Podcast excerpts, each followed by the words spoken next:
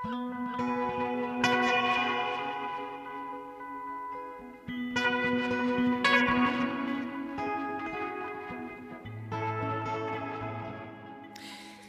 sæl og blessuð og gleðilega háttíð.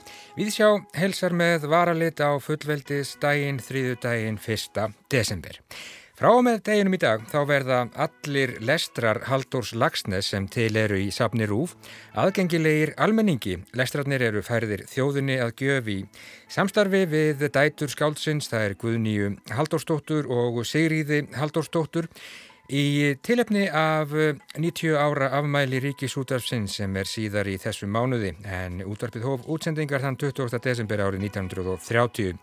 Þessi gjöf til þjóðarinnar, hún verður rætt í Víðsjá í dag, þetta er mikilvæg gjöf og verðmætt en við ætlum líka að tala um sambúð Nobelskáldsins og ríkisútarsins í gegnum tíðina sem oft var ansi skraudleg, ennkendist stundum af miklum tilfinningahita og jafnvel ofur viðkvæmni. Þau eru að koma sér fyrir hér í hljóðstofu nr. 12 í eftirleiti þau Guðni Halldórsdóttir, dóttir Skáldsins, Stefán Eiríksson, útarpstjóri og Halldór Guðmundsson, æfisagnarittari Halldór sem hefur skrifað Hreint bráð skemmtilega grein um samskipti Haldórs og ríkisútarsins í gegnum tíðina. Meirjum þetta allt saman hér rétt á eftir. Og við höfum líka að nýjum bókum í Víðsjá í dag, Gauti Krismansson, bókmyndagagrinandi þáttarins. Hann rínir í dag í bók sem að heitir Mæður Geimfara og er eftir Sigur Björgu Þrastardóttur. Þetta er sagnasafn eftir Sigur Björgu sem að auðvitað er þekkt fyrir ljóðsín, skáldsögur og leikrit meir en það í Víðsjá í dag og já, Víðsjá setur líka á sig rauðan varalitt í dag að gefnu tilefni. Og rifjarum leið upp sögu uh, þessa litla en stór hættulega og stór merkilega fyrirbæris varalitur í Víðsjá í dag. En uh, við byrjum þáttin í dag á því að heyra rödd sem að er býstna kunnuleg. Það er verða eiginlega varla mikið kunnulegri en þetta. Ég mun nú hefja að lesa hér úr gerflu. Það er skálsaga sem gerist á 11. öld. Ég samdi hana á árunum 1948 til 1952 og hún kom út hösti 1952. Nú hefst fyrstikabli. Tveir eru garpar. Er einn að hafa orðið nafn kunnastir á vestfjörðum. Þeir Þorgir Hávarsson og Þormóður Bessarsson svara bræður.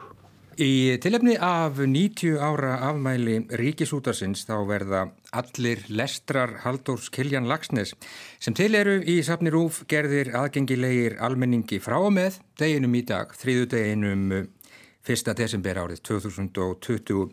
Í spilaranum á rúf.is verður hlaðborð efnis frá Haldóri en einnig verður hægt að nálgast lestrana í öllum hlaðvarpsveitum undir nafninu Haldur Kiljan Lagsnes og Rúf.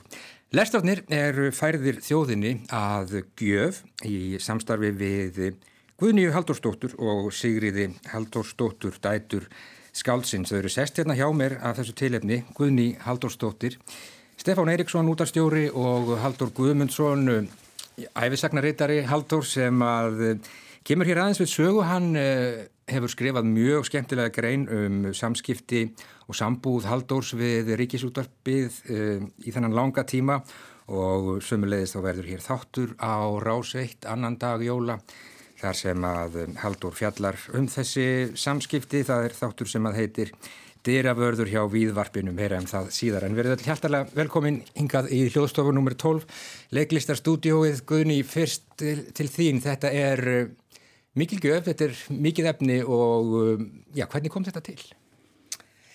Já, þetta kom nú til að því að eh, Ríksjóðurpið eh, fór fram á því að spurði hvort við værum til í að, að hugsa þetta mál og við vorum eh, ansi fljótar við Sigriði sýsti mín að, að hérna að færa þetta Ríksjóðurpin og þjóðinni, Ríksjóðurpið er búið að geima þetta vel og fara vel með þetta efni og um, okkur þótt það bara Já, okkur þóttu það bara höfðinglegt að, að, að, að gefa þjóðinni þetta heldur en að týna upp ykkur þúsund kalla fyrir, fyrir lesturinn hans. Já, höfðinglegt er það svo sannarlega. Þetta er ansið mikið efni og þetta mörg verk sem að Haldur uh, las inn hér uh, í ríkisútarpið. Auðvitað hefði maður viljað hafa þau fleiri en þarna höfum við uh, lokakablan til dæmis í Sölku Völku, þann snildarkabla. Við höfum uh, Gerplu sem er fyrsta verkið í heild sem er til. Lesið hér fyrir okkur í útvarpinu. Þarna er uh, Brekkukóts annáll, Paradísar heimt, Kristni Aldundur Jökli í túnunum heima og fleira. Stefán Eiríksson, ert ekki gláður? Ég er hægt ánaður. Mm -hmm. Þetta er ótrúlega merkileg og góð og falleg gjöf til þjóðarinnar á þessu merku tímamótum og einstaklega ánægulegt að fá að halda upp á e, afmæli þessara mikilvægu menningarstofnunar með þessum hætti og e, gefa almenningi færi á að hlusta á þessa mögnuðu upplæstra á, á þessum mögnuðu verkum. Það e, skiptir okkur miklu máli og við finnum það þetta vel að Þetta efni er mjög vinsælt. Eh, Arna Jónsson las upp sjálfstætt fólk hérna fyrra á þessu ári og það var eitt af, eitt af því vinsælasta sem var bóðið upp á í spilarunum hjá okkur mm -hmm. E, á þeim tíma. Þannig að þetta á svo sannarlega ennþá erindi við þjóðina og ánægilegt að fá að geta komið þessu framfæri með þessum hætti. Já, þetta eru magnaður upplæstrar og kannski tölum aðeins um upplæstaran Haldur Kiljan Lagsnes hér á eftir en, en Haldur Guðmundsson um, í þessari grein sem ég nefndi hér áðan þá vartu að fara yfir þessi samskipti Haldurs við ríkisútvarpið í allan þennan tíma og það verður nú bara að segja þess að þau voru kannski aðeins storma samari en maður kannski hefði haldið miklar tilfinningar og já, og ofur viðkvæmni á, á köplum, svo ekki sem er sagt. Já, það var alveg stór skemmt að lesa þetta, en fyrst vil ég nú óska Rúf til hafingju og bara þakka þeim sístrum fyrir, fyrir þess, þennan höfðingskap því að þetta er stórkoslega skemmtilegt efni mm. og bara rétt svo við munum að það er líka svona minn, minni lestrar, það eru dásamlegi ljóðalestrar og þannig að samanlagt þá gefur þetta bara stóra mynda af að sögundaverki Já. en ég held að fæstin muni kannski hvað þetta voru oft flókin samskipti mm. sem auðvitað árætur í því að þetta var eina útvarp landsmanna, það var ekki um neitt annað veljar hérna var þjóskaldið og hann vildi bara að, að stóra útvarpið og hann er samferða í, í, um hans daga og, og samfélgin hóst nú reyndar mjög skemmtilega sem er líka lungu glemt en hann var dýravörður hjá ríkisútvarpinu sem er eina launaða staðan sem Haldur Lagsnes nokkuð tíma að sér. Já, portör. Portör sko, Aha. já, já, og þurft að taka móti fólki og leiða það inn í stúdíuð og passa tíman. Og vera kurtis. Já, bara það, mikillar alúðar var krafist, saðan í starfslýsingu Já. sem hann sendi í ríkiskjaldar. Og það var allir undrandi á því hvað þessi kjáftfóri maður var, var feiminn og, og indel þegar til kastana kom. Sérstakur ljúlingur saði Þóraðin Guðmundsson hérna eini að annar tónlistarmannar ríkisútast. Það var alveg skuggsýnd, ráslauguldi, byrjaði að hegla. Það myndist að rjúk upp með garð. Hún settist í klappirnar fyrir neðan túnið í mararbúð undir eh, slútandi kletti og horfði um stund agndofa á haglið bilja á fjörugrjótinu. Strandferðarskipið var að sigla út fjörðin og misti óðum allan persónlegan svip við vaksandi fjallegð. Það var alveg næstum eins og hugtak. Svo hún trúði valla sjálfa hún hefði áðan staðið þar á þiljum. Síðan tók hún nýstið að hálsi sér og opnaði það. Þessi barns mynd var ekki lengur mynd. Hún var næstum því afmáð. Hún var í rauninni aðeins endurminningu mynd, ímynd breytileikans og samt. Hún átti ekki neitt annað. Hún átti ekkert framar annan þessa mynd sem var ekki lengur mynd og þessi orð, þau sem hafi verið hvíslað í æræni. Ég kalla á þig, þau eru í dag. En á köplum þá leggur hann bara hreinlega bann við því að, að verkan séu flutti í ríkisúttarpinu. Já og það meira að segja eftir, eh, eftir Nóbersvölunni. Þá átti nú svona aðeins að létta, létta á og Gerpla er lesið 1956 eins og nefndir. En Uh, þá kemur frá 58 til 63 kemur 5 ára tímabil það sem haldur bara harðbannar að það sé nokkur skapa hlutur fluttur eftir hann í útvarpið að því að hann móðgæðist yfir þætti sem, ég man ekki hvort hann hétt um daginn og veginn eða eitthvað svona ámóta mm -hmm. á þeim tíma og, og þóttu ummæli um sig þar óviður kvæmleg Já. og þá komið ekki til mála og það var í þriðja sinn sem hann setti svona bann þannig að þetta er mikið leifi sem útvarpið er að fara núna heldur betur og hann, uh, honum var mjög umhugað um nákvæmlega það hvað var sagt um hann í útvarpi og þá ekki síst sem rítöfund höf, höfundarheiðurinn sko. var, var það sem skiptan máli, dægur það sem skipti, skipti Já, ég held að, held að einhver, einhver driflutum pólitík skiptan litlu en það mátt ekki halla á höfundarheiður hans. Nei. og þarna í þessum þætti þá hafi verið sagt að hann væri sorpríta höfundur sem ég veist að flest nú mótkaðar yfir hvað sem er sko. Já og svo það voru aðra svona umræður sem trubluðu hann mjög mikið Það og... legðist bara í flórin í sínum verkum Já. Já. Nú og framvegis um sinn mun ég lesa hér í ríkisútvarspinu úr söguminni Brekkukots annál Þessi bók er samin á árunum 1954 til 1956 Guðni, áttu minningar um, um þessa sambúð föðruðins við, við ríkisútvarpið satan við viðtækið og, og, og bölvaði því sand og ösku og afnóta kjöldanum um leið? ekki, þetta alls ekki sko. Var mikill útvarsmaður hlustaði mikið útvarp og en ég man eftir þegar við byggum eins og í Vínaborga þá var hann beðin um að lesa ykkur að bók, ég man ekki hvaða bóka var. Og um, hann saðist ekki vera með bókina með sér sem var náttúrulega alveg satt og lengi vel komst hann áfram á því og svo held ég að Ragnar Smára hafi sendt hann um bókina og þá var, voru einhverju hlutar teknir upp e, og þá brátt eitthvað á hannum og þá voru einhverju hlutar teknir upp sko í ríksjútarpinu í Vínaborg sem voru sendir hingað. Mann ekki alveg hvað þetta var en hérna hann var, hann var, þá, að, hann var þá að skrifa sko paradísarhend mm -hmm.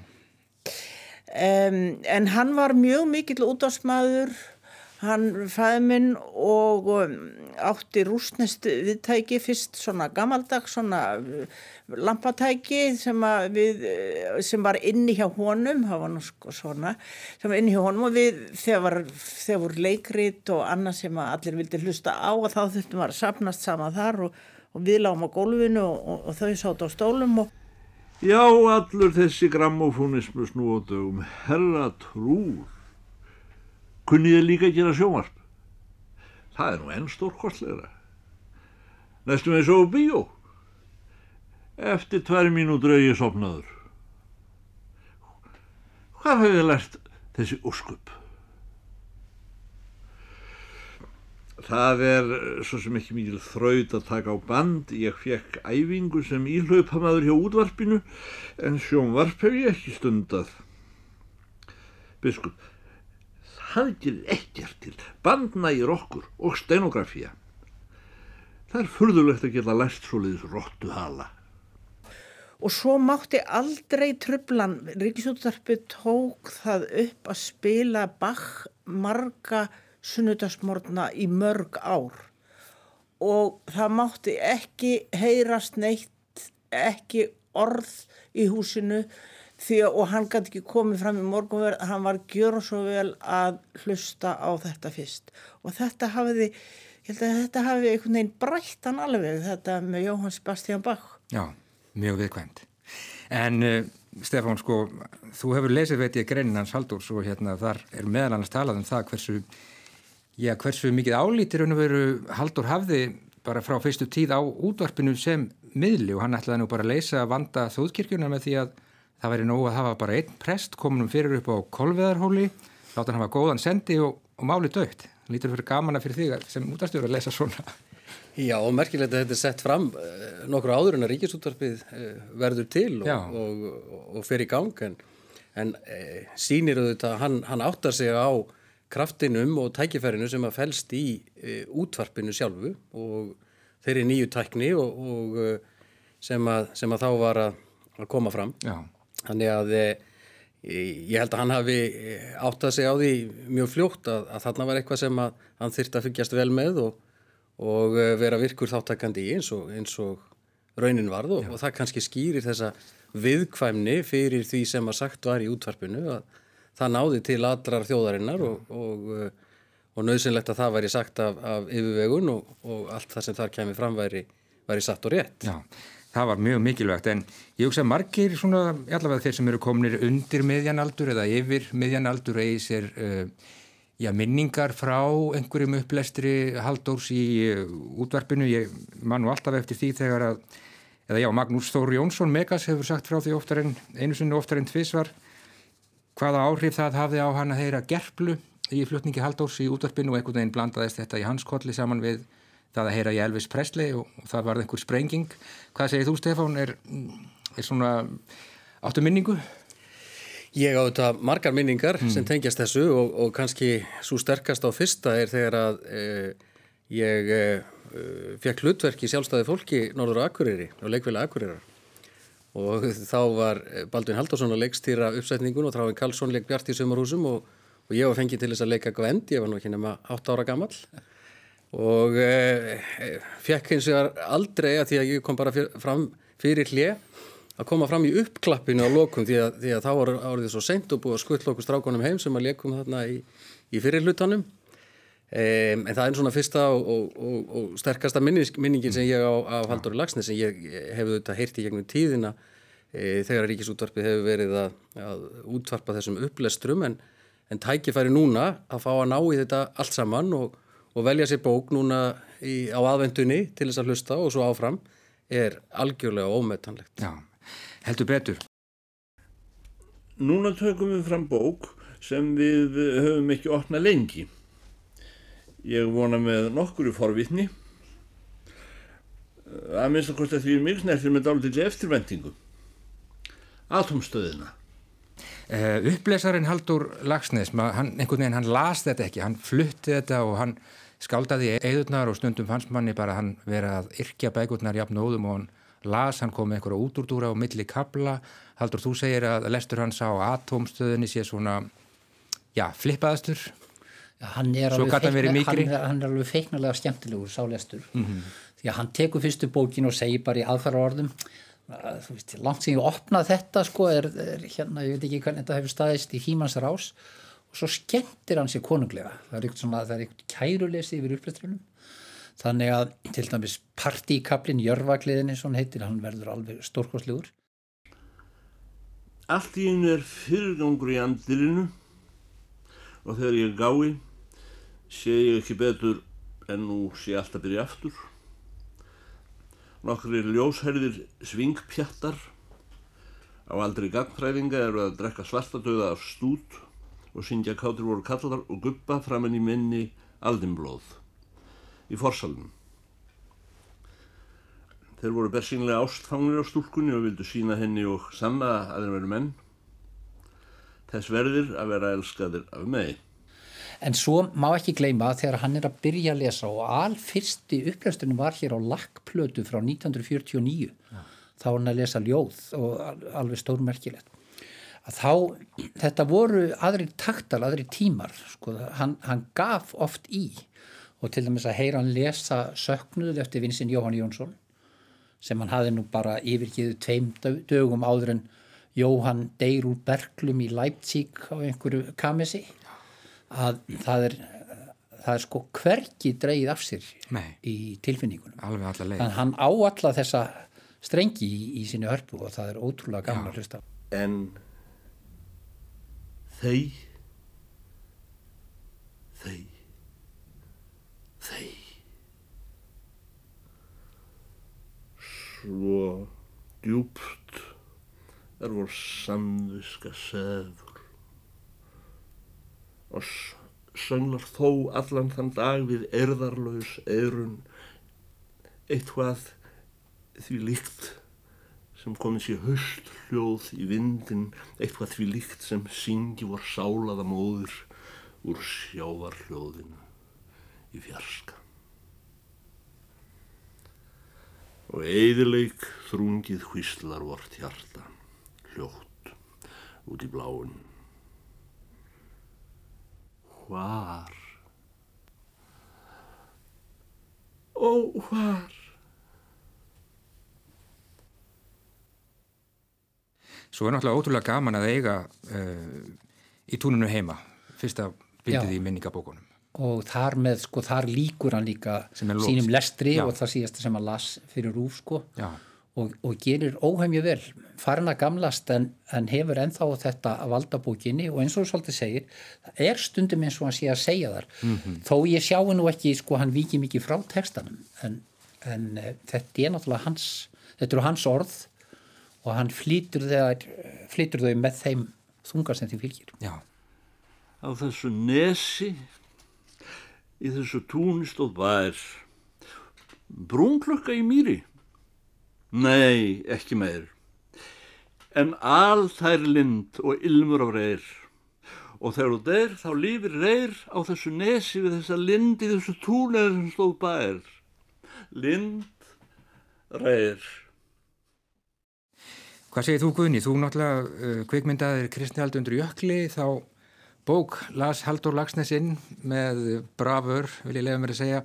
Áttu þér svona, hvað við segja uppáhald eh, eitthvað uppáhald í, í flutningi föðins Mér finnst mjög gaman að innansveita króniku ég hlusta á hana ekki fyrir slöngu en hann vandaði sér mjög mikið og hann æfði sig og ég á nokkra bækur sem hann las úr hér fyrir útvarpið og hann strókar út og hann uh, gerir áherslu, skrifar undir áherslu orð og, og hérna og hann vandaði sér mikið við þetta. En ég er ekkert að segja hans er kannski besti lesari í heimi. Mjög finnst hann stundum láta allt og illa og leika allt og mikið með að við leikarna sem að hafa svo tekið þetta að sér. Já, en, galsíónum ja, galsíónum sko en uh, hún þótt þetta skemmtilegt og hann uh, hérna og hann uh, undirbjóð sig mjög vel og það er gamanlega að sjá þess að bæku hvað hann strykar yfir söm orðin og gerir komu og stundum sko upprópunamerki hvað þetta er heimst hjá honum og eitthvað svona mm -hmm.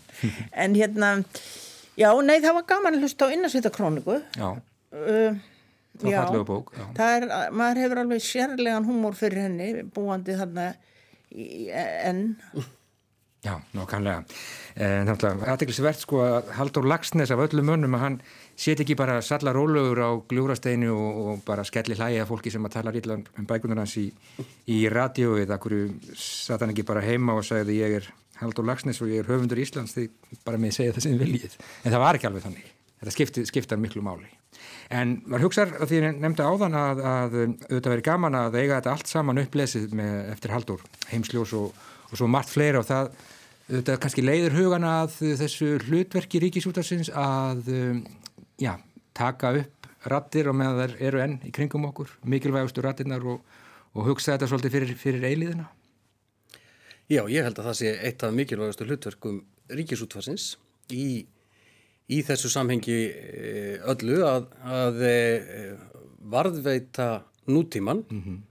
e, því að það sem við erum að gera í dag, við áttum okkur kannski ekki alveg á því hvar perlurna leynast Nei. í því öllu saman e, og þetta er bara eins og þegar maður skoðar gamla ljósmyndir og maður átt að segja á því að á myndinni er eitthvað sem var ekki í forgrunni kannski en skiptir síðan öllu máli e, þegar upp er staðið og sama á við um þetta hlutverk ríkisútansins sem þarf að vera yfirgrifsmikið til þess að ná utanum menningarlífið í heilsinni og það þarf auðvitað að varfið þetta mjög vel Já. og þess vegna er hlutverk og mikilvægi sapsin sem að hér er auðvitað afskaplega afskaplega mikið Já.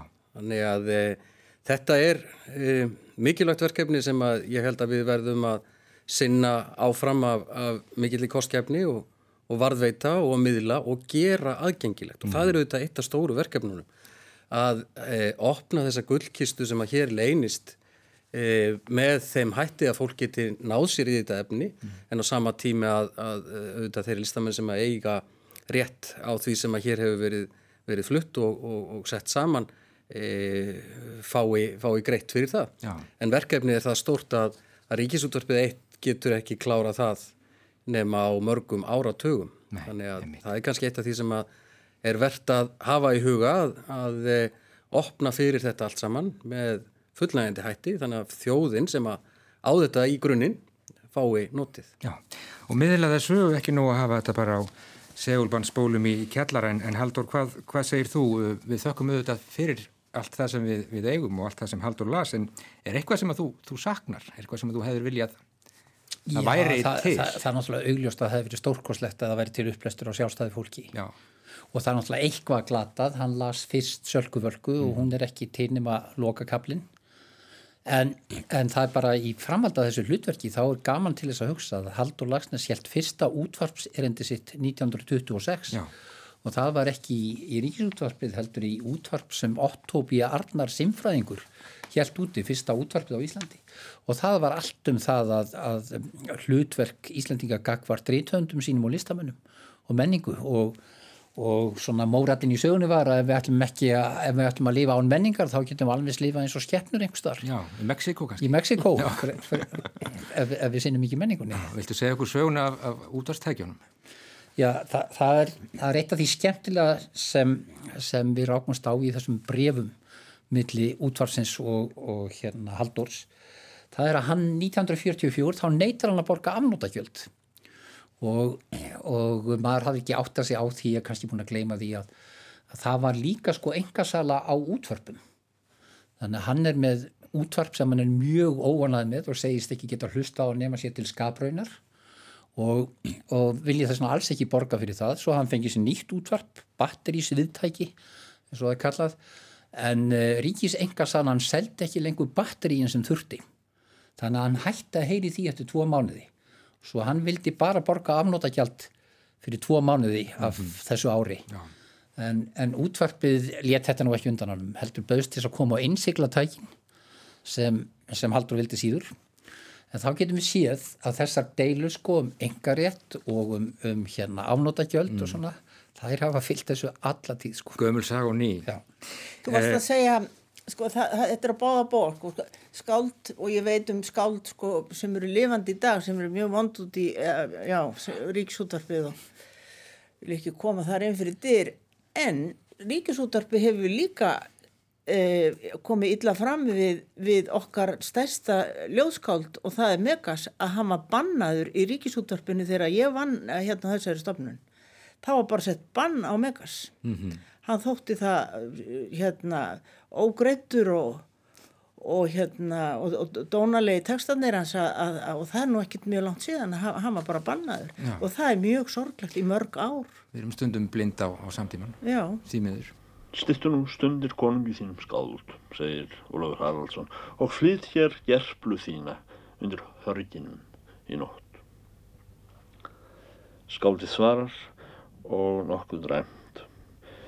Nú kem ég eigi lengur fyrir mig því hvaðiði, segir hann og stendur upp seinlega og haldrar á brott við lurksinn og er horfin bak hörginum.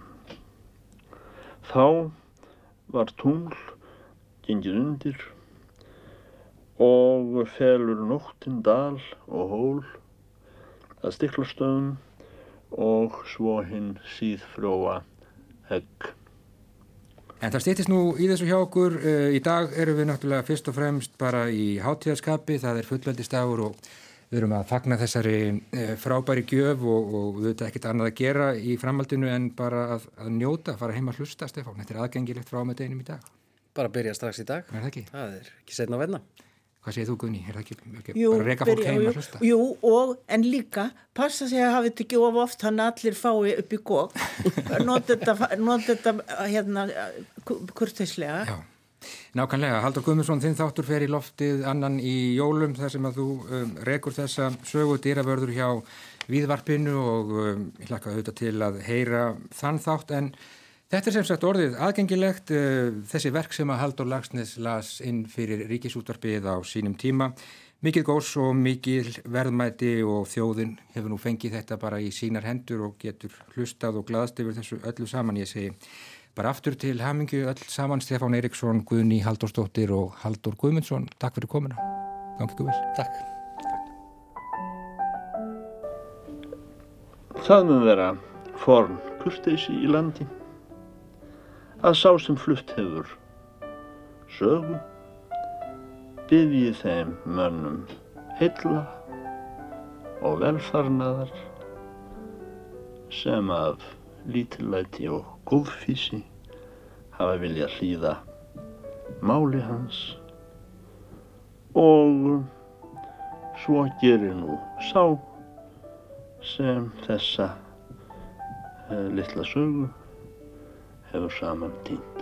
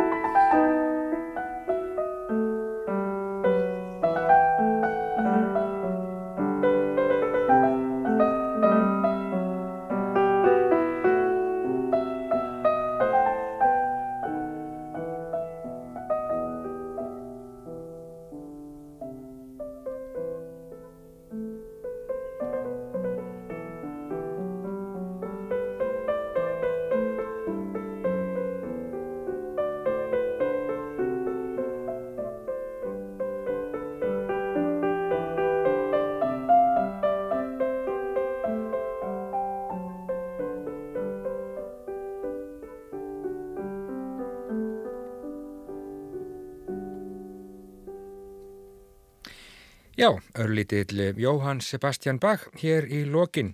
Glenn Gould að spila Goldberg tilbreyði. Ég veit að það er dagur íslenskrar tónlistar í dag á getur hlustendur og að Jóhann Sebastian Bach var ekki frá Íslandi en ég stóðst ekki mátið að þessu sinni sorgi með mig svo ég fullkomni nú brotið með því að sletta á sjálfan fullveldi stægin. En já, þessi fína gjöf lestrar Haldórs Lagsnes nú aðgengi leir gjöf til þjóðar. Þetta er fallegt og þetta er gott og þetta er ekki sjálf gefið en um, það er eins og biskup segir í kristnihaldi undir jökli fyrstir að vilja, afgangurinn er tekni. En um, við erum auðvitað með hugan við um, nýjar bækur flesta daga og nær alla daga hér í viðsjá þessar vikurnar og um, höldum áfram að ræða um nýjar bækur og rína í þær. Mæður geimfara er nýtt sagnasafn eftir Sigurbjörgu Þrastardóttur sem eh, lengi hefur verið í fremstu röð réttöfunda af sinni kynnslóð, höfundur ljóða, skáldsagna og leikrita. Gauti Krismansson tekur nú við. Sigurbjörg Þrastardóttir er ólíkinda tól, eða ætti ég að segja ólíkinda skáld. Kanski undistrykkast það einmitt með myndinni af skáldinu innan á kápunni, þar sem hún er á kvolvi. Tótnin í ljóðum hennar og sögum eru margt ofennilegur, að ekki sé sagt annarlegur.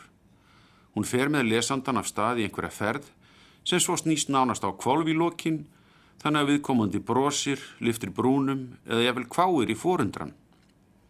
Þetta er skemmtileg glíma fyrir lesendur á mínu mati.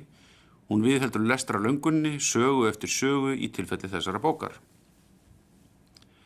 Þetta er sagnasafn, örsagnasafn. Á titilsíðinu stendur bara sögur, en þeir eru allar stuttar, stittir en flesta smásögur. Allt frá tveimur línum eins og í sögunni Allt sem glóir, upp í tvær til fjóra síður hið mesta.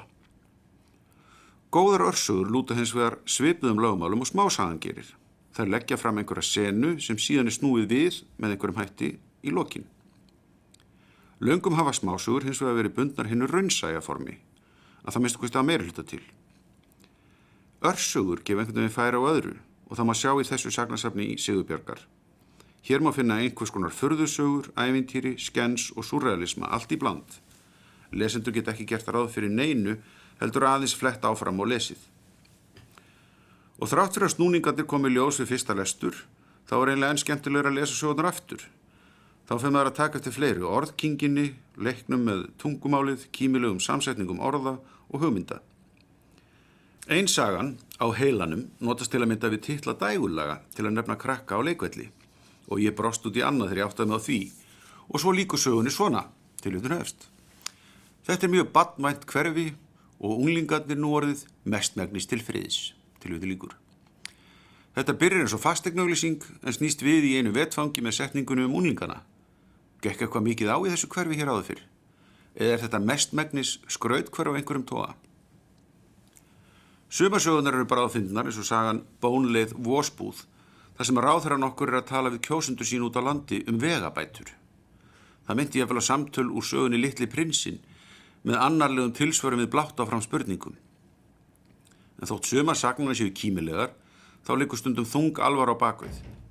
Hörningatengslum heimilisofbeldi og annað ofbeldi, einmannaleika og útskúfun vakna stundum. Eða þessi fyrirbreyði leika hlutverk sem fjallaður um í sögunum á allt annan hátt en í daglegu tali.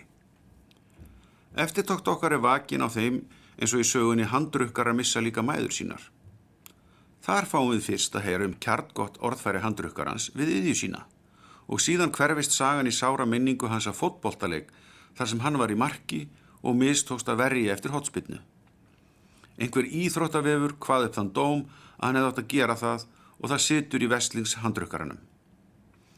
Á móður hans er ekki minnst en það felur írónægin í sér að sömur áðbeldismenn vorkenni sjálfum sér þrátt fyrir gjörði sínar. Þetta er bæði fyndinsaga og alvarleg og gera aðri betur að blanda þessum þáttum saman svo að upp gangi. Það eru fleiri sögur um ofbeldismenn, eins og til að mynda kýldi maðgur á aðfangadag, sem er tilvittnun í fyrirsögn í fjölmiðli, raunverulegt atvik, en sagan snýr því upp í absúrdíska lýsingu á manneskinni sem kýldi maðgurnar, eðlisfræðilega, bókmyndalega og það að þessi sama manneskja á kött í kvítum sokkum. Einhvern veginn verður ofbeldið óhugnulegra fyrir vikið. Ofbeldis þema kemur einnig fram í sögunum Hit Me Baby One More Time og ekki síst í þeirri sem heitir Landslag undir koninni sem hefst á fræðilegri lýsingu á málverk eftir Picasso og líkur með orðfáum orðum um stríð og afleðinga þeirra fyrir konur. Sannarlega ekki kíminn saga en beisk írónían hittir algjörlega í mark. Annað þema, ef þema skildi kalla, snýst um bernskuna, áföll hennar og ríka tilveru í lífi okkar fullorðina. Það eru leikvellir hér og þar, vettangu batna og sjónarhótt þeirra komast undum fram, hvað sem það eru hrottlegjandi minningu, líkt á í sögunni 1978, eða á reyðum höndum sem snýst óvænt úr því að vera hjartnæm saga um liðvislu dóttur við erlenda stúlku í skólanum. Yfir í að móðurinn átt að segja því að dótturinn er fornalamb eineltis. Við getum ekki treyst því sem sögurna byrja á. Það er sjálfnast einhver röggreitt niðurstöða þótt að komi fyrir eins og í sögunni lukkan er alltaf skömmtuð. Þar segir frá konu sem tekur saman við ónitjung og fentaníli neytata. Hún lesum aftökur fanga í bandaríkunum með fentaníli og finnst bladagreinin barnalega skrifuð og örlögum fólks takmörku virðing sínd eins og sögurkonan segir. En sögunni líkur með þeim orðum að þessar tæknilegu leiðbenningar eru mér sífælt hugstaðari eftir því sem dróst á langin að hann fengi sér vinnu og borstofan mín fór meira að líkjast róluvelli, tilvitinu líkur. Það kann að vera ofsögum sagt að það séu beinlýnist þemu í gegnum bókina, en sumt kemur oftar en einu sinni fyrir, sjálfsvík til dæmis, og dauðin í ymsu myndum.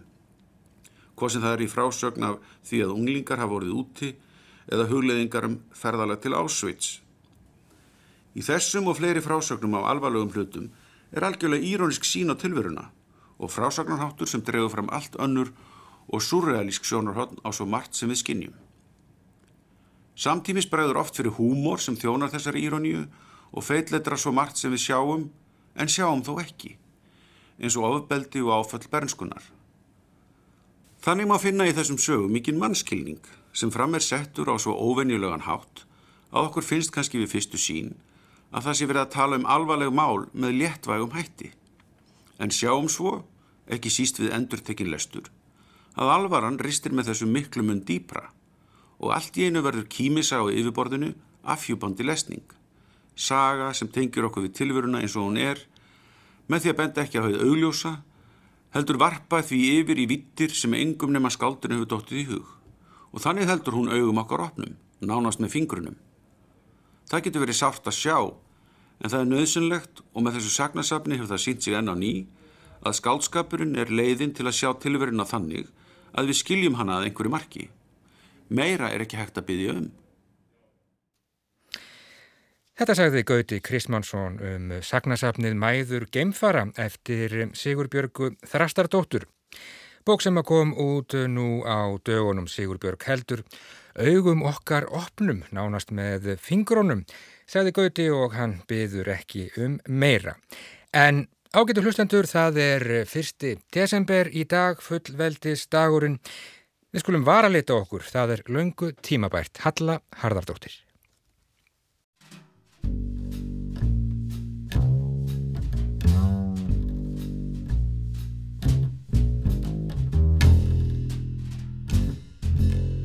Að gefnu tilefni setur Vísja á sig rauðan varlitt í dag. Við erum í hátíðarskapi hér í Vísja. Framundan er 90 ára afmæli ríkisútvarpsins og af því tilefni hefur þjóðin fengið allan lestur Nobelskáldsins að gjöf. Og svo er fyrst í aðvenduliðin og framundan hátíð ljós og friðar. Ekki það að það þurfi endilega tillitað til að nota rauðavarlitin, en eh, hvað um það? Ég veit ekki til þess að Vísjá hafi nokkuð tíman tekið rauðalitin fram en hún hlýtur að hafa áttan í verkvarabóksinu því að við trúum á rannsóknir þá segir eins lík að flestar konur eigi einn rauðan varalitt, jafnvel þó þær notan aldrei. Við draugum litin allavega fram í dag, ekki bara til að lifta okkur upp á þessum fyrsta degi í desember, heldur líka til að rifja upp sögu þessa litla en stór merkilega fyrirbæris.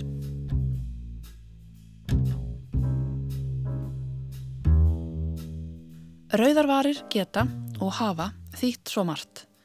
Kraft, völd, peninga, sjálfsöryggi, þrá, uppreist, læti, gleði, dölúð, glamúr og fleira og fleira. Valdamiklar konur og karlar hafa í gegnum tíðina nota rauðarvarir til að taka sér meira pláss og konur í uppreistnarhug hafa nota rauðarvarir til að virka baráttuandan og ebla samstöðukraft. Því hefur oft verið fleikt fram að fegurðin sé kvöl en í tilfelli rauðra vara má segja að fegurðin sé dauði. Því árdaga varalitsins og allt fram á 19. öld var eitt af innihaldsefnum litsins oftar en ekki kvít blí. Efni sem gatt í of miklu mæli valdið eitrun og jafnvel dauða.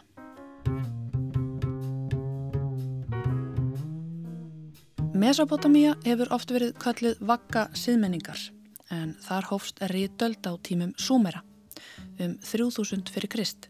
En Súmerar þróuð ekki aðeins eitt fyrsta rítmálið sem að þekkt er, heldur líka fyrsta rauða varlitin. Í súmersku borginni Úr við botn Persaflóans ríð drottningin Pú Abi ríkjum um 2500 fyrir Krist. Gröf þessarar merku drottningar er svo ríkulegasta sem fundist hefur frá tímabilinu en hún hafði meðal annars að geima höfuðkúpur 5 hermana og 23 þjónustumeja sem höfðu verið drepin með eitri til að þjónusta drottningu sína í næsta lífi. Aug líkamsleifa var í gröfinni að finna gull og geimsteina, kórunu og rauðan varalitt. Púabi litaði vari sína rauðar úr blöndu af kvítu blíi og muldum rauðum steini og vitað er að súmerska hyrðin tóku upp þessa tísku því fjölda grafreita hátsettara súmerskra kvenna hafa fundist rauðir varalitir, náttúrulega kremblanda sem gemd var í litlum kúftum skelljum. Tískan fór svo á flug frá úr og yfir til þess staðar sem að kallast Sýrland í dag en þar hafa varalitir fundist í gröfum begja kynja. Frá Sýrlandi náði tískan til Egiptalands þar sem að bæði karlar og konur af efristjættum máluðu vari sína rauðar. Því varaliturinn var merkið um stjættarstöðu og hafði ekkert með kyn að gera á þessum tíma. Rauðarvarir mertu fyrst og fremst auð og völd. Kleopatra letvist ekki sjá sig án rauðra vara en hennar litur var ekki blandaður úr steinum, heldur krömdum skortýrum, vaksi og rauðum júrtalitt. Grykkir voru ekki hrifnir af andlitsmálingu og nágrannar sínir í Egiptalandi og kvorki karlar nýja konur af valdastjættum settu lit á vari sínar. Grískar konur liti á sér hárið en engin kona notaði varalitt nema hún inni við að selja sig. Vændiskonur notaðu allar rauðan varalitt og voru meiri segja sett lög sem skilduðu þær til þess að merkja sig á þennan hátt. Færu vændiskonur út á meðal almennings án rauðra vara var þeim refsa fyrir að reyna blekja karlmenn og þykjast verið eitthvað annað en það raunverulega voru. Þetta viðþór til andlitsmálingar, það er að hún þjóni frekar þeim sem að horfi, heldur hún að þeim sem að beri, átti eftir að verða langlýft. Rauðarvarir komu og fóru innan efri og lagri stjætta, en á hennu myrku miðaldum tók kirkjan fyrir allar rauðarvarir. Þær voru augrun við fullkomið sköpunarverk Guðs almáttugs. Til eru þó nokkur dæmi úr myndlistarsögunni þar sem að sjá má djöbla mála rauðarvarir á konur, sem urðu þannig með sínum rauðu vörum eins konar holdgerfing djöfulsins. En konur leituði vist hinn að ímsu leiða með hjálp náttúrunar við að lita vari sínar. Til eru ítalskar heimildir frá 13. öld sem segja frá því hvernig ekki svo guðrættar efri stjættar konur máluðu varir sinnar ljósbleikar á meðan konur af lagstu stjættum máluðu þær í dimröðum lit. Fram yfir endurreistn og síðar síðaskipti heldu andans menn áfram að gaggrina rauðar varir, nokkuð sem að Elisabeth Englandsdrottning hinn fyrsta let ekki mikið á sig fá. Elisabeth fyrsta elskaði rauðar varir og er sagt að hún hafi trúað á töframátt rauðalítarins að hann geti jafnvel vendað hanna gegn dauðanum. Nokkuð kaltæðnisleg trú í ljósi þess að á þessum tíma var ennótast við kvít blí til að blanda litin. En Elisabeth var eina þessum konum sem var alltaf með rauðarvarir og sem var gerð ódöðleg í málverku með sitt kvíta andlit og blóðrauðu varir. Og þannig komst varaliturinn í tísku í Englandi eða allt þar til að næsta mikla drottning, Victoria, bannaði varaliti með öllu. Það sem að rauðarvarir væru óheiðarlegar og dónalegar. Og með einu pennastriki hurfu rauðarvarir út tísku og urðu að einhverju dónalegu sem ekki mótti sjást á almannafæri. Hugmyndunum óheiðarleika rauðra vara átt eftir að verða langlýf, en þó rauðilíturinn hafi horfið úr almenningsrýmum, lifði hann auðvitað góðu lífi á öðrum og ögn myrkari stöðum. Það leið þó ekki á löngu fyrir en önnur óhrætt kona steg fram í ljósið með rauðar varir, franska leikonan Sara Bernhardt, en árið 1880 sást hún á götum Parísar með eld rauðarvarir og allir miklum usla meðal prúðra borgara. Rauðarvarir voru þannig við upphaf 20. aldarinnar tengdar sjálfstæði, uppreist og óhlýðni, nokkuð sem hvernfrælsiskonur tóku eftir og tóku upp. Bandarísku hvernréttindakonurnar Elizabeth Katie Stanton og Charlotte Perkins Gilman gengum með eldröðan varalið til að augra körlum og fljótlega varð rauði varaliturinn eitt af tólunum í vopnabúri súfragettana, begja vegna Allandsafs. Tól sem þar notuðu til að undistreka sér sjálfar Rauðu varðnar voru valdeflandi tæki nota til að ebla sjálfströst og samtakamátt. Sagan segir að þegar hópur bandarískra sufragetta stremdi út á götur New York borgar til að krefjast kostningaréttar árið 1912 hafi snirtafuru framleiðandin Elisabeth Arden staðið utan við búð sína og gefið þessum eldtugum rauðan varalit á litlum túpum. Eftir margra alda bóðabönn eftir að hafa aðeinsjast á öldurhúsum og í skjóli myrkurs, braust rauði varaliturinn nú fram á vörum kvenna sem vildu stjórna sér sjálfar og breyti þannig merkingu sinni aftur og upp á nýtt. Konur af öllum gerðum og öllum stjættum sett á sig rauðan varalit og kröfðist þess að kjósa. Síðan þá hafa rauði varirnar ekki farið neitt og líkt og ég myndist á, hér í upphafi, það ávist hver svo kona sem á annaborð kaupi sér snirtefurur að minnstakosti einn rauðan varlit, þó svo nota hann aldrei. Og rannsóknir hafa reynda líka sínt fram á aðra áhugavera staðrind og það er að sala á rauðum varlit eikst á krepputímum. Þetta sína sölutölur en þetta getur samt engin almennilega útskýrt. Hvers vegna eigðir fólk í annanins óþarfa þegar kreppir að? Kanski vegna þess að rauðarvarir eru ekki óþarfar. Kanski er þetta ódýr en áhrifarík leið til að lifta sér upp fagna sjálfstæðinu og samtakamættinum. Það er aldrei að vita, en við setjum allaveg rauðan varlit hér í viðsjáðu dag, hátileg og fín og óskum ykkur notaleg heita í skamdeginu.